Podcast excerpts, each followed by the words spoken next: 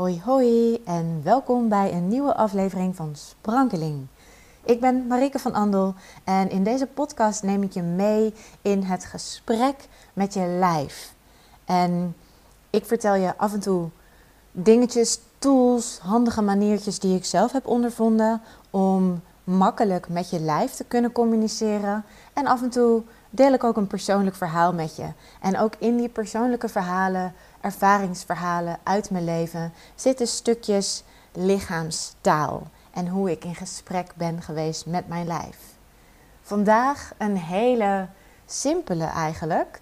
En simpel betekent niet altijd makkelijk of um, toegankelijk.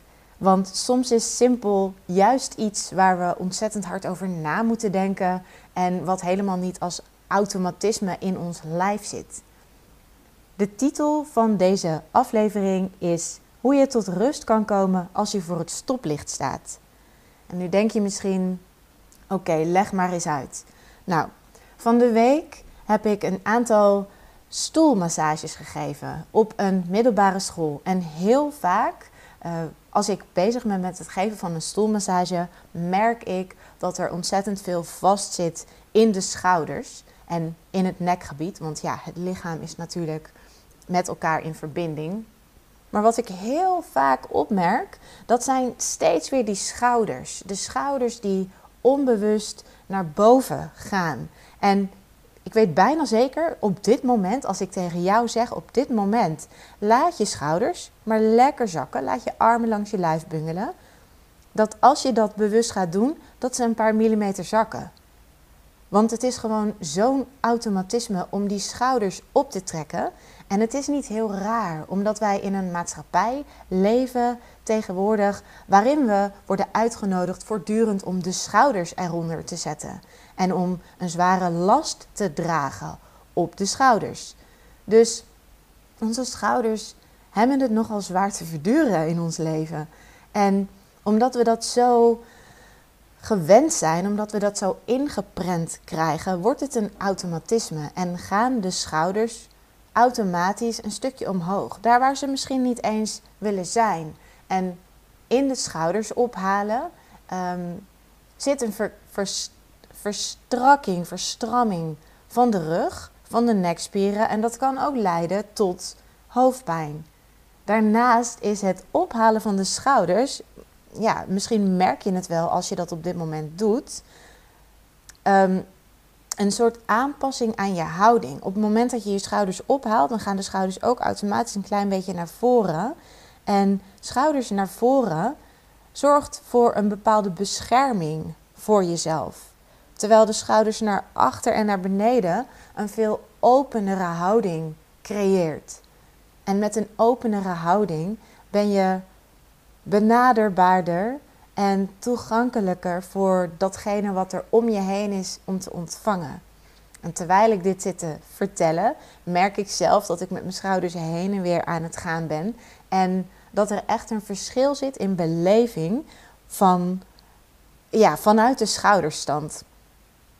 Dus kijk maar eens bij jezelf op dit moment of je, waar je schouders zich bevinden. En of je, als je zegt, jullie mogen best een stukje zakken, wat er dan gebeurt. En dan even terug naar hoe je dan tot rust kan komen als je voor een stoplicht staat. Nou, dat heeft alles te maken met dat automatisme waar ik de aflevering mee begon. Namelijk, als wij momentjes creëren in onze dag die ons eraan herinneren dat we een automatisme willen afleren en iets anders willen aanleren, dan gaat dat op een gegeven moment steeds meer vanzelf. En voor mij is het stoplicht een heel makkelijke ja, een, makkelijke herinnering.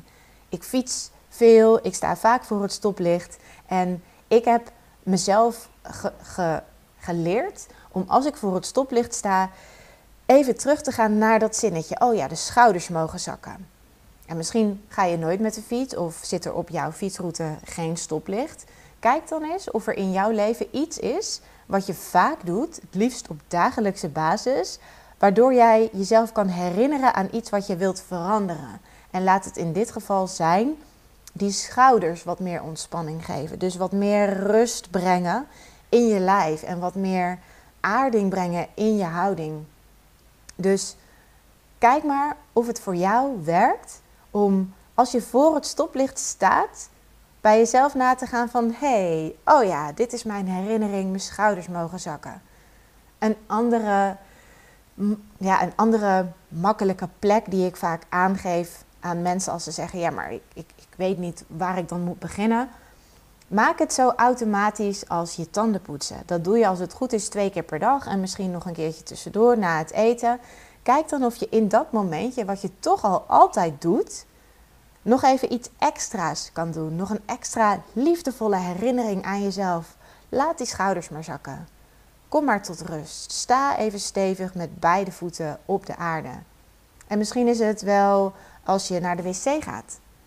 dat doen we ook dagelijks, meerdere keren.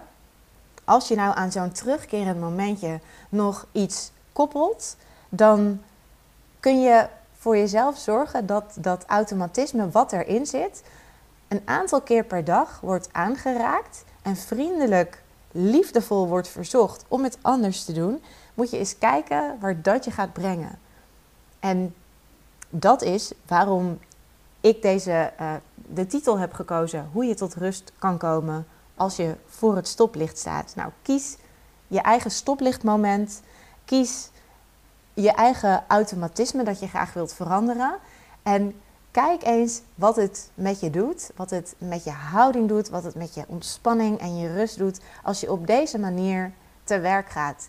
Je hoeft dus helemaal geen urenlange speciale nieuwe dingen aan te leren. Gewoon de dingen die zich dagelijks toch al voordoen, die pak jij eruit om jezelf die liefdevolle herinnering te geven.